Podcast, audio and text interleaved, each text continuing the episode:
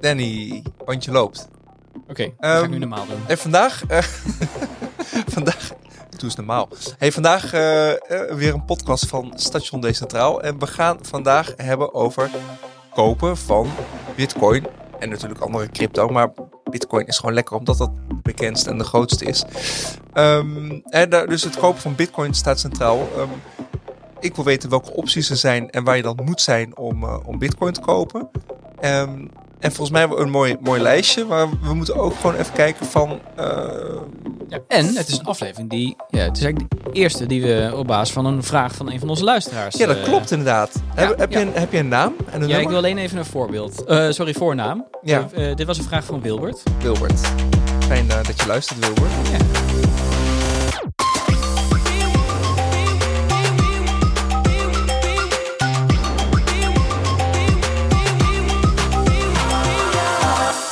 Eh, goed dat je het zegt, want als jij hele andere vragen hebt over alles wat we decentraal gaan organiseren, mail dat gewoon naar info.stationdecentraal.nl of ga naar de website. Dan eh, kun je een formuliertje invullen. Ehm, dan gaan wij daarover nadenken en gaan we die vraag behandelen als het een beetje een, een fijne vraag is. En hij moet over decentrale dingen gaan natuurlijk.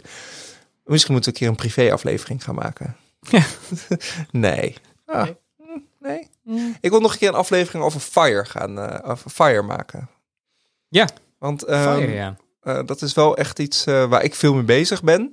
Ehm, en ik ben heel erg aan het twijfelen of crypto daar wel echt goed in past. Ehm Ja. Maar goed, Nee, de- ja, dat is wel interessant. Ik zou eigenlijk Ernst Jan daar moeten uitnodigen. Dat zou wel leuk zijn. Ja, maar ik kan dat ook wel, denk ik. Dan speel ik gewoon ja, nee, dat is waar. ik Je hebt het ook wel echt ver doorgevoerd, inderdaad. Ja, een beetje te. Ja. Ja. Nee, dus we hebben Ernst Jan helemaal niet nodig. Nee, joh. We hebben onze eigen Ernst Jan. Hé, hey, daar ben ik. Ja. Top. Ehm, hey, we hebben een lijstje. Ehm, Ja. En we, die, gaan we gewoon, ehm, die gaan we gewoon langs.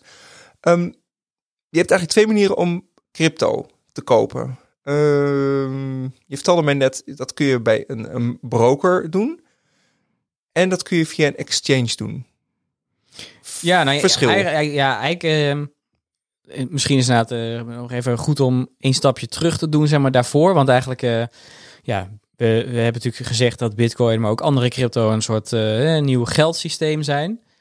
En ehm, ja, daarbinnen kan je eigenlijk heel makkelijk eh, dingen versturen en, eh, en, en natuurlijk ook ontvangen, eh, betalingen doen. Alleen, ja, je moet wel een keer die crypto ook daadwerkelijk in handen krijgen. Dus eh, daarvoor zijn inderdaad eh, bepaalde punten die jou helpen om het een naar het ander om te zetten. Zodat je dus inderdaad ook bijvoorbeeld bitcoin bezit, die je vervolgens inderdaad kan versturen. En eh vandaar dat ze inderdaad ook wel on- en off-ramps noemen. Dus inderdaad eh, ja, plekken waar je eh, een soort van die wereld binnen kunt stappen Mhm. eh, en er weer uit kunt, eh, kunt stappen. Ehm, en dat zijn inderdaad, eh, ja, en daar heb je, je hebt daar meerdere smaken in. Mhm. En dat is denk ik inderdaad eh, wat je, eh, wat je, waar je net eh, naar verwees. Dus je hebt inderdaad een soort van brokers en exchanges. Worden ook wel veel door elkaar gebruikt, die, eh, die termen. Ja. Ja, broker is eigenlijk een soort van eh, tussenpartij waar je crypto kunt kopen. Mhm. Dus dan zeg je eigenlijk gewoon heel veel, ja, je meldt je daar aan. Je stort daar bijvoorbeeld euro heen. Ja. En dan kun je dat daar omzetten naar bijvoorbeeld bitcoin. En soms kun je dat daar laten staan. Soms moet het naar een externe eh, wallet. Maar het is eigenlijk vooral bedoeld zodat je het daar kunt, eh, kunt, kunt kopen. En ehm, je kunt ook daar dus weer verkopen en het weer overmaken naar je, naar je bankrekening. Ja, maar de, de eerste stap is, je hebt geld nodig. Geld wat wij gewoon kennen, eh, euro's of eh, nou, in dit geval euro's. Die moet je ergens naartoe overmaken naar een broker. En daar eh, staat het geld. En dan kun je het omwisselen naar bitcoin, ethereum, Ja, whatever. Ja, maar in Nederland is het ook wel vaak gewoon zo makkelijk dat je je ergens voor aanmeldt. Je zegt daar van, nou, ik wil eh, zo en zoveel eh bitcoin bijvoorbeeld kopen. En vervolgens kun je een ideal betaling doen. En dan maak je het gewoon direct over. Dus het is ook gewoon direct geregeld. En dat kan bij de meeste Nederlandse brokers eigenlijk. Ja, die zijn eigenlijk allemaal, hebben die het gewoon prima voor elkaar. Werkt ook allemaal heel makkelijk. Dus nee, dat werkt eigenlijk eh, wel, wel goed. En ja, dat is wel vaak een, een voordeeltje wat je dan wel bijvoorbeeld verliest bij buitenlandse partijen. Dat je daar niet een ideal betaling kunt doen. Nee, wel met een creditcard denk ik. Of Creditcard inderdaad, ja. ja. Hey, en dan hebben we dus inderdaad die twee, mani hè, twee manieren om, om die crypto te kopen of, eh, en of te bewaren. Via een broker of een exchange. Wat is het, uh, Ja, wat is dat grote verschil tussen? Ja het is, ik, ik merk bij mezelf, ik heb er wat moeite mee om het verschil uit te leggen, omdat ze ook steeds meer in elkaar overvloeien. Maar exchange was eigenlijk altijd veel meer bedoeld om echt ook te verhandelen. Dus Mhm. dan, ja, je herkent dat misschien wel eh, dat je van die, eh, ja, van die trading views hebt, zal ik maar zeggen. En dan zie je zo die koers lopen en eh, Ja, mooie grafiekjes die Ja, precies. omhoog gaan. ja, Ja. ja. en dan heb je een orderboek met wat mensen voor orders inleggen om te verkopen en te kopen. En Mhm. Ehm, vaak zijn die ook wel gewoon een stuk geavanceerder. Hè, dus inderdaad voor mensen bedoeld ook om te verhandelen. Eh, terwijl als je bijvoorbeeld bij een, ehm, een broker koopt, daar gaat het eigenlijk gewoon van ik wil gewoon dit of dat kopen. En het is niet zo dat je daar zelf je koers bepaalt. Bijvoorbeeld, hè, je, ja, je koopt gewoon tegen de geldende Op koers dat, daar. oh, op, op, om, eh, eh, morgen om half één, smiddags koop ik eh, één bitcoin en dat kost dat geld. ja, precies. Dat is het gewoon. Kun je niet heel veel op, op Nee. handelen. Nee. Nee, terwijl inderdaad op exchanges gaat het er veel meer om. Nou, dan kun je inderdaad een order inleggen. Eh, eh, een kooporder bijvoorbeeld. Maar die moet er, moet er wel een verkooporder zijn van iemand anders die daar dan mee, mee matcht. Eh, zodat je... Ja, net zoals gewoon een, een, een aandeel. Een Ja, aandeel. ja, ja, ja, ja. aandeel, eh, noem even een bedrijf Tesla. Ja. Of aandeeltje Twitter. Om Ja, maar even de ik- combinatie te maken. ik heb daar zelf iets minder ervaring mee. Maar ik denk inderdaad dat het ook wel gewoon op die manier... Ja, eh, nou, dat, in principe gaat het op die manier. En ja, tenminste, het, volgens mij wel. ja, dus Ja. zo heb ik altijd begrepen in ieder geval. Ja. Ehm, als ik het niet goed heb luisteren, dan eh, hoor ik het graag. Ehm, zijn er nog echt grote verschillen dus tussen... z- zijn er nog echte exchanges die niet brokers zijn? En zijn er echte brokers die niet een Ja. exchange zijn dan? Ja. Het, wordt, het verschil wordt wel klein. Ik vind Bit My Money bijvoorbeeld nog wel een voorbeeld van. Nou, die is redelijk eenvoudig. Je kunt daar volgens mij alleen maar bitcoin kopen. Je, je Mhm. kunt dat daar inderdaad gewoon vasthouden. Eh, je kunt het versturen naar een andere wallet, maar dat is het. En je kunt het inderdaad eh, terugboeken naar je eigen bankrekening. Ja. Ehm, maar meer inderdaad niet. Het is net niet bedoeld om te verhandelen. Kijk, je kunt het daar terug overmaken naar je bankrekening, maar dat duurt een paar dagen eer het daarop staat. Dus het is nou niet bepaald bedoeld om zeg maar in te spelen op een koersbeweging die je verwacht. Nee, oh nee, dat is een groot verschil. Ja, want eh, bij zo'n exchange, eh, daar kan je dat veel sneller van het een in het ander omzetten. En daar kun je bijvoorbeeld eh, het bijvoorbeeld omzetten naar een stablecoin die Mhm. bijvoorbeeld de dollar of de euro volgt. En vanuit daar kun je weer heel makkelijk bijvoorbeeld kopen en verkopen naar bitcoin. Dus heb je veel meer mogelijkheden om direct te handelen. Even, je noemt iets nieuws, stablecoin. Ja, daar moeten we dan nog een keer een aflevering over gaan hebben. Dat is eigenlijk een, een. De korte uitleg is dat het een crypto is die de koers van een eh, nou ja, stabiele munt volgt, zoals bijvoorbeeld de euro en de dollar. Je ziet me zeggen met name eh, groot zijn eigenlijk de dollar stablecoins. Je hebt bijvoorbeeld USDT en USDC. Mhm. Dat zijn allebei stablecoins die de dollar volgen. En die hebben dan eh, dollar ook in de reserve, zeg maar, ter hoogte van wat mensen eh, in stablecoins hebben zitten. En waarom heb je dan niet gewoon de dollar als stablecoin? Ja, volgens mij mag je dat niet zomaar. ehm, mag je niet zomaar, zeg maar, een, tegen de, dat tegen die dollarkoers. Volgens mij kan dat niet zomaar. Ze hebben volgens mij ook gewoon met regels te maken. En volgens mij kan dit inderdaad op deze manier ook gewoon veel sneller. Ik- dat zal trouwens belangrijk zijn, denk ik. Dat het gewoon, omdat het een crypto is, dat je dus veel sneller, zeg maar, zo kunt, kunt Kunt handelen. handelen. Ja, ja, ja, ja.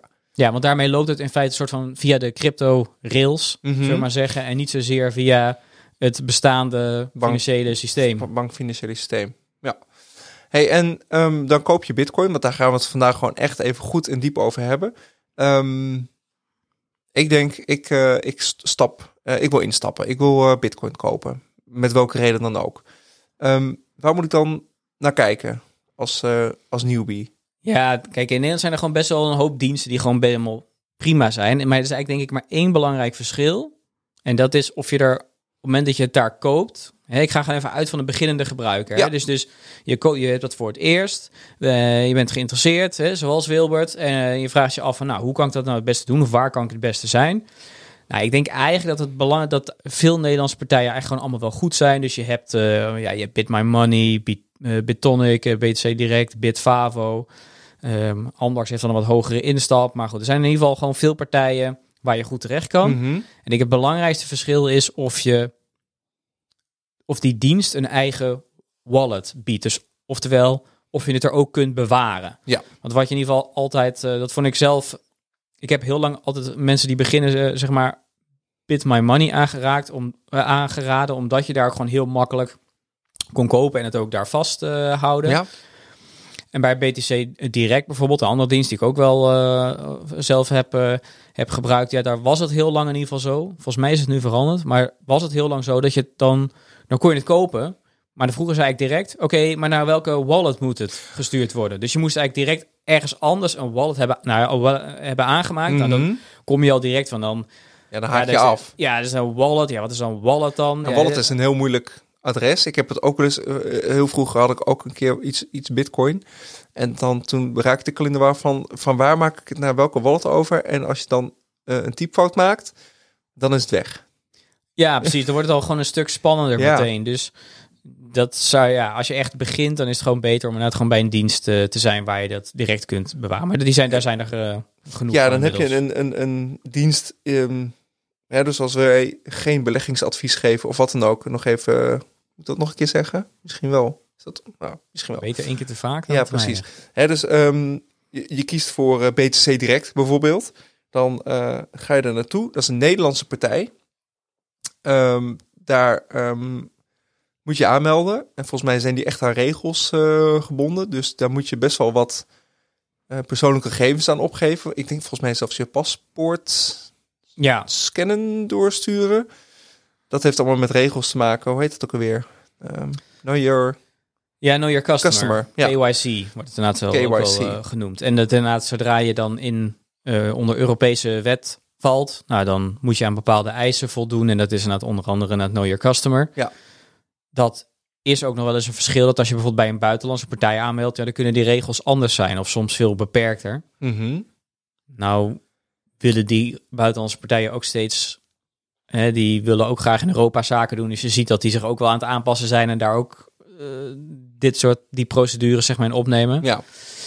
Maar ehm, ja, het is wel zo dat in Europa en zeker binnen Nederland gaan die regels wel. Onze regels zijn best wel strikt. Dus als jij bij BTC Direct bijvoorbeeld Bitcoin dus koopt en naar je eigen wallet moet eh, overmaken, dan moet je dus je eerst identificeren, ook nog eens. Dus niet alleen bij BTC Direct, maar ook nog eens met een screenshot kunnen aantonen dat die wallet waar je het naar overmaakt, dat die ook van jou is. En die moet je dan mailen. Anders mag je het er niet naar overmaken. Oh, serieus? Ja, dus dat is best wel. En dat, daar is Nederland eh, een soort van uniek in. eh, dat wij die wet hebben. En ja, bijvoorbeeld bij buitenlandse partijen, bijvoorbeeld, neem een Binance bijvoorbeeld. Biedt bijvoorbeeld om die reden ook niet Ideal aan. Want als ze Ideal zouden aanbieden, dan zouden ze richten op de Nederlandse markt. En als je richt op de Nederlandse markt, dan moet je conformeren aan die regels. Ja, dus heel even terug. Ik wil, ik heb een account bij, bij, bij eh, BTC Direct. Mhm. En ik wil naar een andere wallet geld overmaken. Oh, Ja. eh, sorry, geld. Crypto. Hier, crypto is voor mij ook geld, hè? Nou, heel goed. Ehm, dan moet ik aantonen dat die andere wallet van mij is. Ja. Maar mag ik dan niet van mij naar jou crypto overmaken? Niet, eh, dat kan dan daarna pas. Ja, suf hè? ja. Ja, dus dat is ook eh, heel, eh, Is dat nog wel decentraal? heel irritant. Nee, dat is, nou ja, Ja, het blijft decentraal, maar blijft het nog... Precies om die reden zijn natuurlijk veel mensen daar ook tegen. En er zijn ook bijvoorbeeld ehm, bepaalde Bitcoin-diensten waar bijvoorbeeld je het, het telkens dat je adres verandert.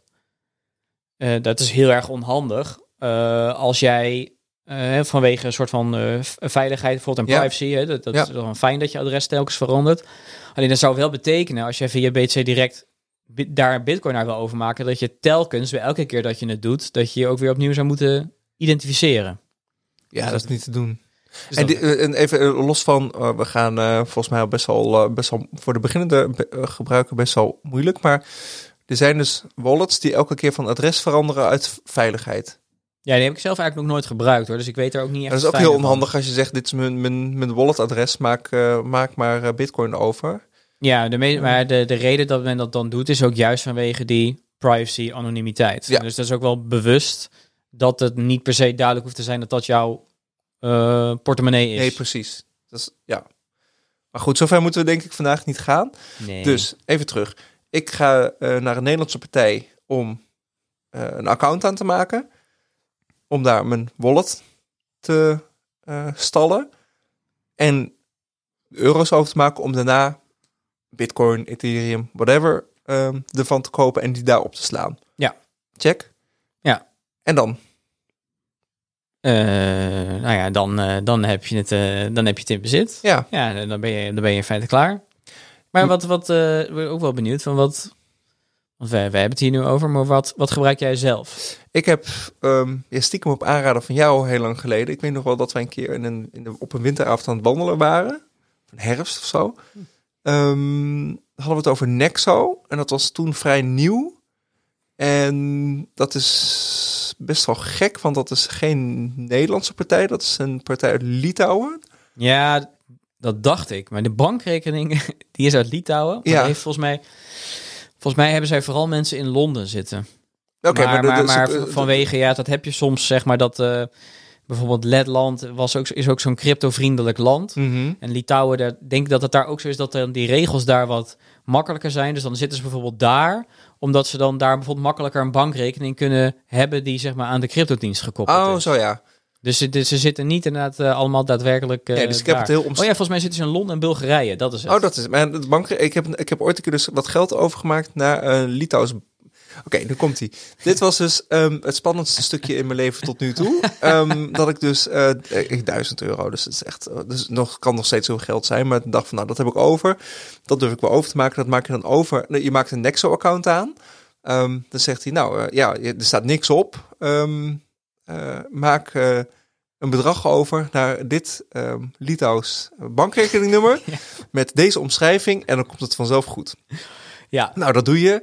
Dan wacht je drie dagen. maar dat klinkt Want inderdaad het was ook een weekend, hè? Dus dat. eh ehm, duurde extra lang dus inderdaad. duurde Maar een dag extra. Dus dan duurde het drie dagen en ik kreeg je een mailtje. Ja, er staat 1000 euro op je Nexo-account. ja, maar die dagen daartussen, die duren heel lang. Ja, eh, ja, ja, ja. Stel je voor dat je 10.000 euro of meer. Ja, maar het is inderdaad gewoon. Want en in die tussentijd, dat is ook zo, hè? Want zeg maar, als je in crypto dan iets overmaakt.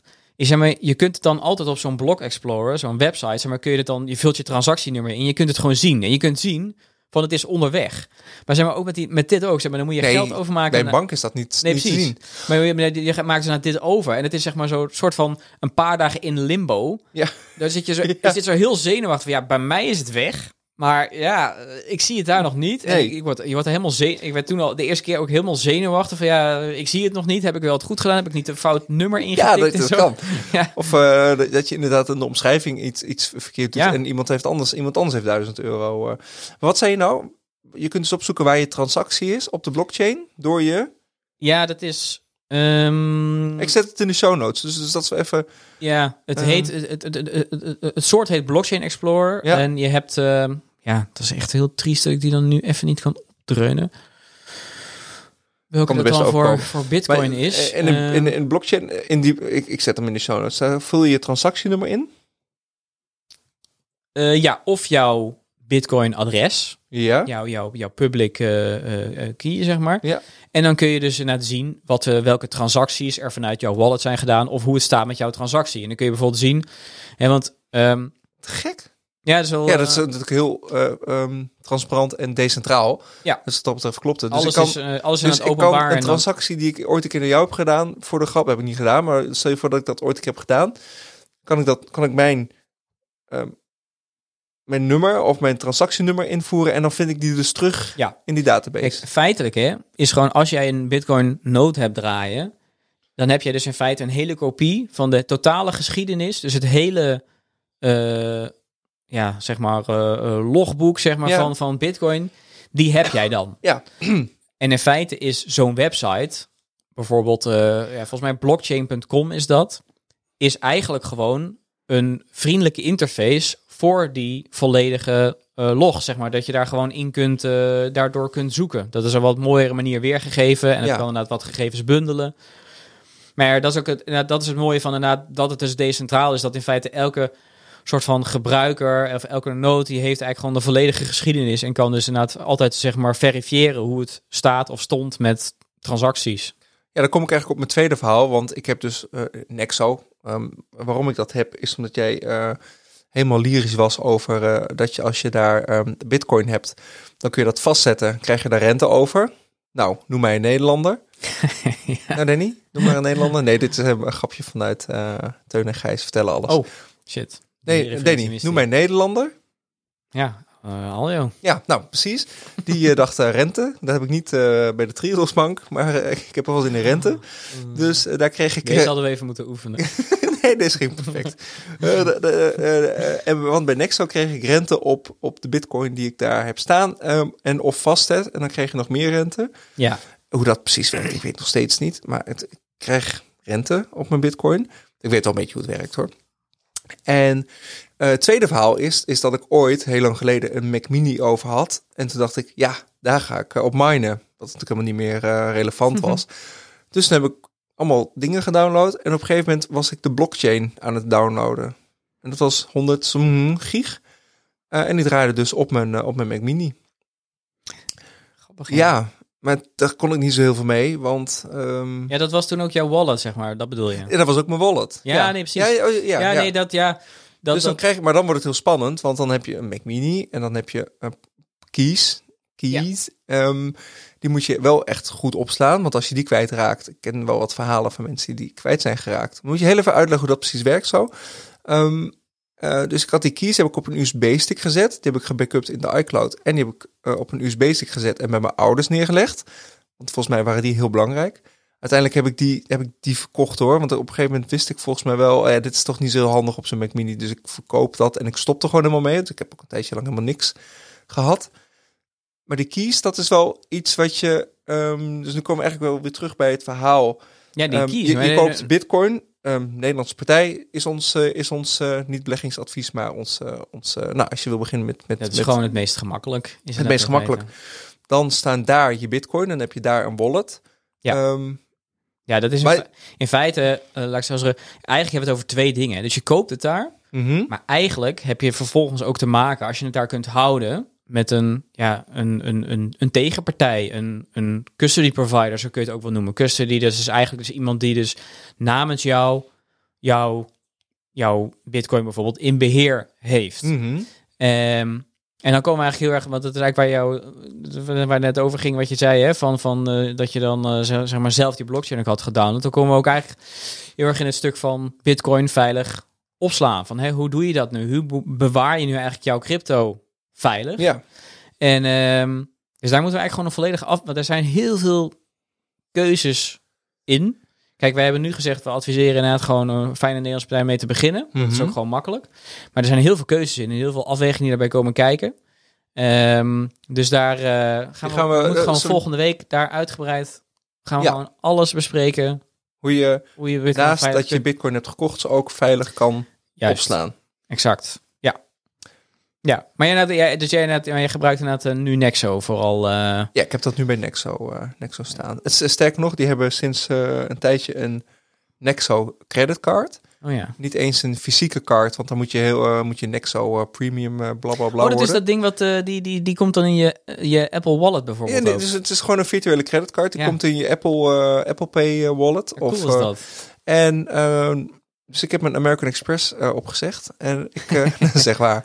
En ehm, dus ik, ik koop nu eigenlijk alles via die, eh, die Nexo virtuele creditcard. Oh, ik wilde daar En- ook nog mee gaan experimenteren. Maar je hebt het inderdaad gewoon al, je doet het dus ja, en dan krijg je dus, als je dan iets koopt, krijg je eh 0,1% van die aankoop terug in bitcoin. Oh ja, cashback hè? Ja, dus dat is ook eh, zo'n in, pla- in plaats van de, van, van de, van de air miles eh, punten van American Express, wat echt niet opschiet, ehm, eh, krijg ik nu dus gewoon eh, een heel klein beetje bitcoin elke keer als ik, eh, als ik ergens iets afreken. Oké, grappig. En ehm, ik moet er nog even heel goed induiken, want jij weet wel iets beter hoe het werkt. Dit is heel dom van mij. Ik doe dat begin dan gewoon en ga daar later nadenken van hoe werkt het en betaal ik hier niet heel veel geld voor. Dus ik doe, ik doe eerst en dan denk ik na.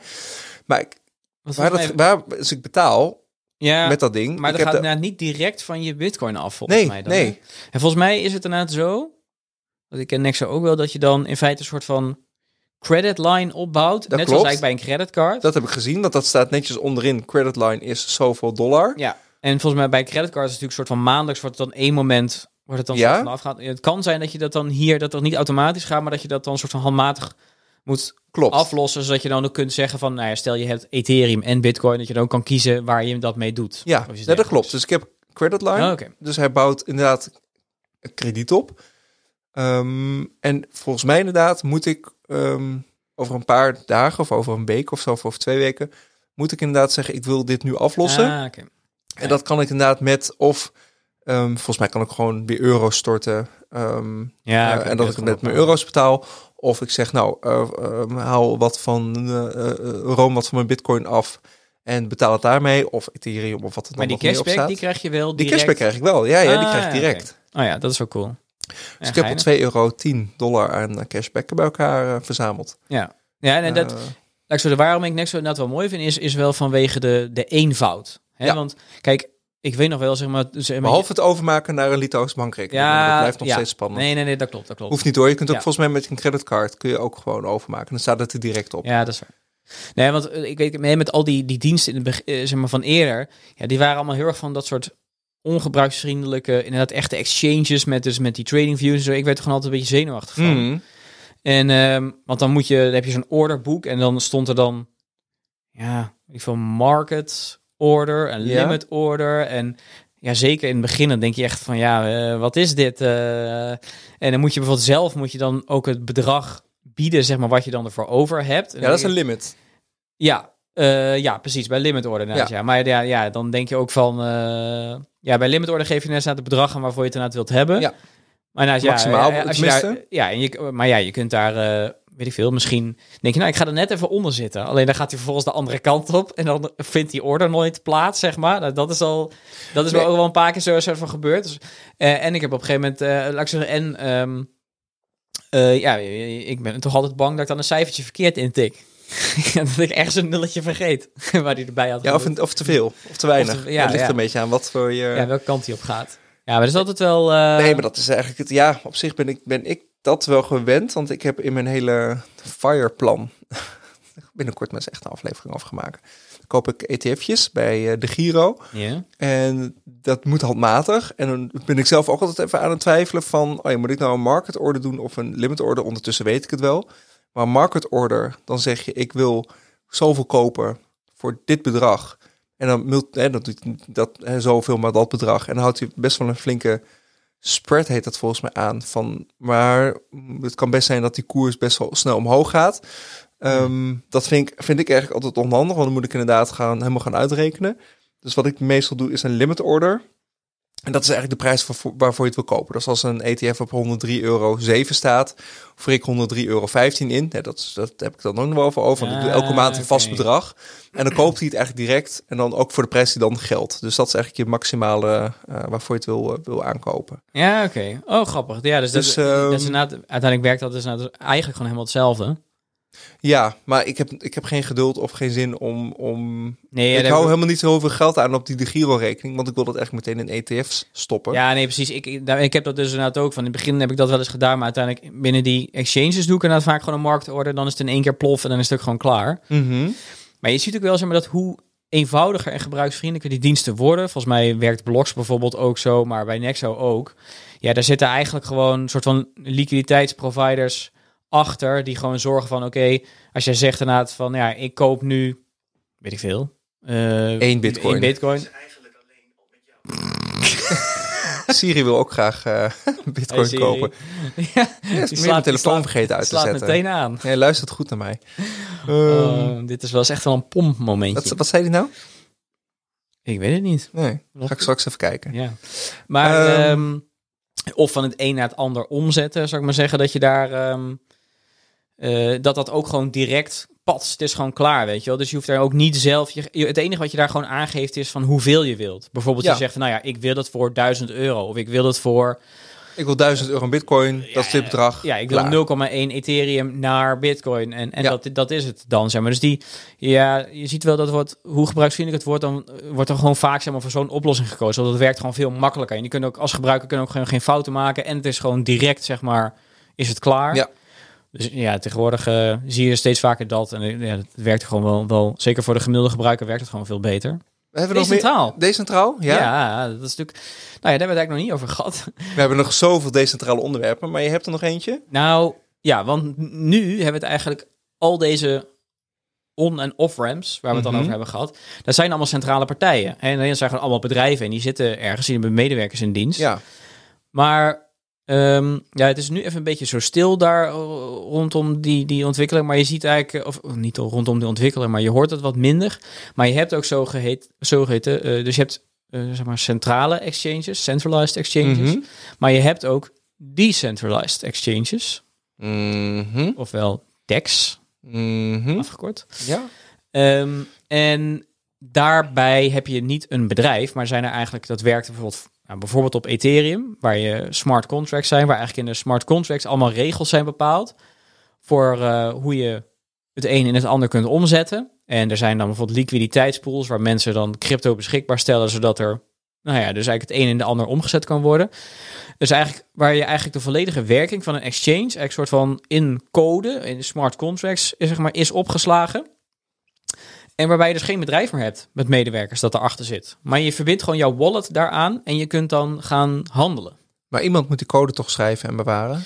Ja, dat klopt. Dus er zijn wel mee- mensen die daar aan, aan, aan meewerken. Mhm. En die dat inderdaad... eh ja, b- bijvoorbeeld, een grappig voorbeeld is eh, Shapeshift. Mhm. Dus dat is opgericht door Eric Voorhees. Dat is wel nou ja, een best eh, grote naam zeg maar, in de crypto-wereld. En dat was dus inderdaad een exchange. Een eh, cent- eh, centralized exchange.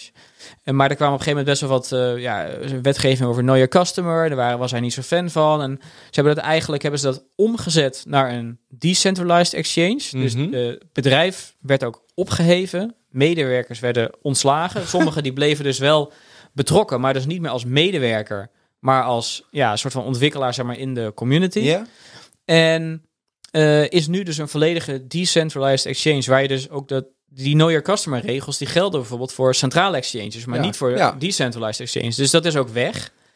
Ehm, en het is zelfs zo, want dat vind ik wel echt heel cool, is als je dus jouw ledger, eh, zo, eh, jouw crypto op een ledger opslaat. Ja, wacht even. Dat is Ja, daar gaan we iets voor de volgende ja, daar gaan we het aflevering. ook volgende week maar een hebben. ledger is een... Dat wordt door veel mensen soort van beschouwd als de ultieme manier om je crypto op te slaan. Dat is op zo'n zo'n stickje. USB-stick. Eh, ja, en dat kan dus daarop blijven staan. Die wallet verbind je dan met Shapeshift. En je kunt er gewoon handelen direct vanaf jouw wallet. Ja. Nou ja, dat is wel vrij. Dan kun je dus volledig decentraal kun je dan dus eigenlijk eh, crypto verhandelen. Ik vind het een mooi bruggetje naar de volgende aflevering volgens mij. Want eh, die ledger, hardware, wallet, dat is één manier om je crypto op te slaan. Ehm, er zijn nog veel meer manieren. Dus dat is voor de volgende, volgende week. Hebben we nog een mooie afsluiter? Of zeggen we, we stoppen ermee en eh, we gaan volgende week Ja, lekker verder? Ik, eh, ja, dat li- lijkt me laten groeien. Ja, weet je, ik, eh, zo, nu die, die decentralized exchanges zijn tof, maar het is Mhm. ook nog wel heel erg allemaal in de kinderschoenen en zo allemaal. Dus het is ook allemaal, het kan ook nog wel een slagje gebruiksvriendelijker. Dus als je gaat kijken, het wordt nu nog niet per se heel veel gebruikt. Eh, Nee. Dus eh, ja, als er nu, de luisteraars waar we vandaag over eh, die, die, die, die nu nog luisteren, dan eh, en echt nog zeg maar beginnen, nou daarvan is het gewoon vaak het beste. Begin gewoon bij een eenvoudige of Ja. bij een Nederlands exchange. Dat is wel zo, zo, gewoon zo gemakkelijk. En inderdaad van, eh, nou ja, hoe, hoe meer je op een gegeven moment er, erin hebt zitten, hoe Mhm. belangrijker het is dat je naar de volgende aflevering gaat luisteren. Want dan moet je het misschien wel op een andere manier gaan opslaan. Heel goed. Ehm, volgens mij gaan we deze aflevering ook lekker flink uitwerken in de show notes. Of misschien wel in een eh, los artikel op de site. Ik denk dat dat wel handig is. Kortom, begin met een Nederlandse partij. Nogmaals, ehm, maak wat geld over via Ideal.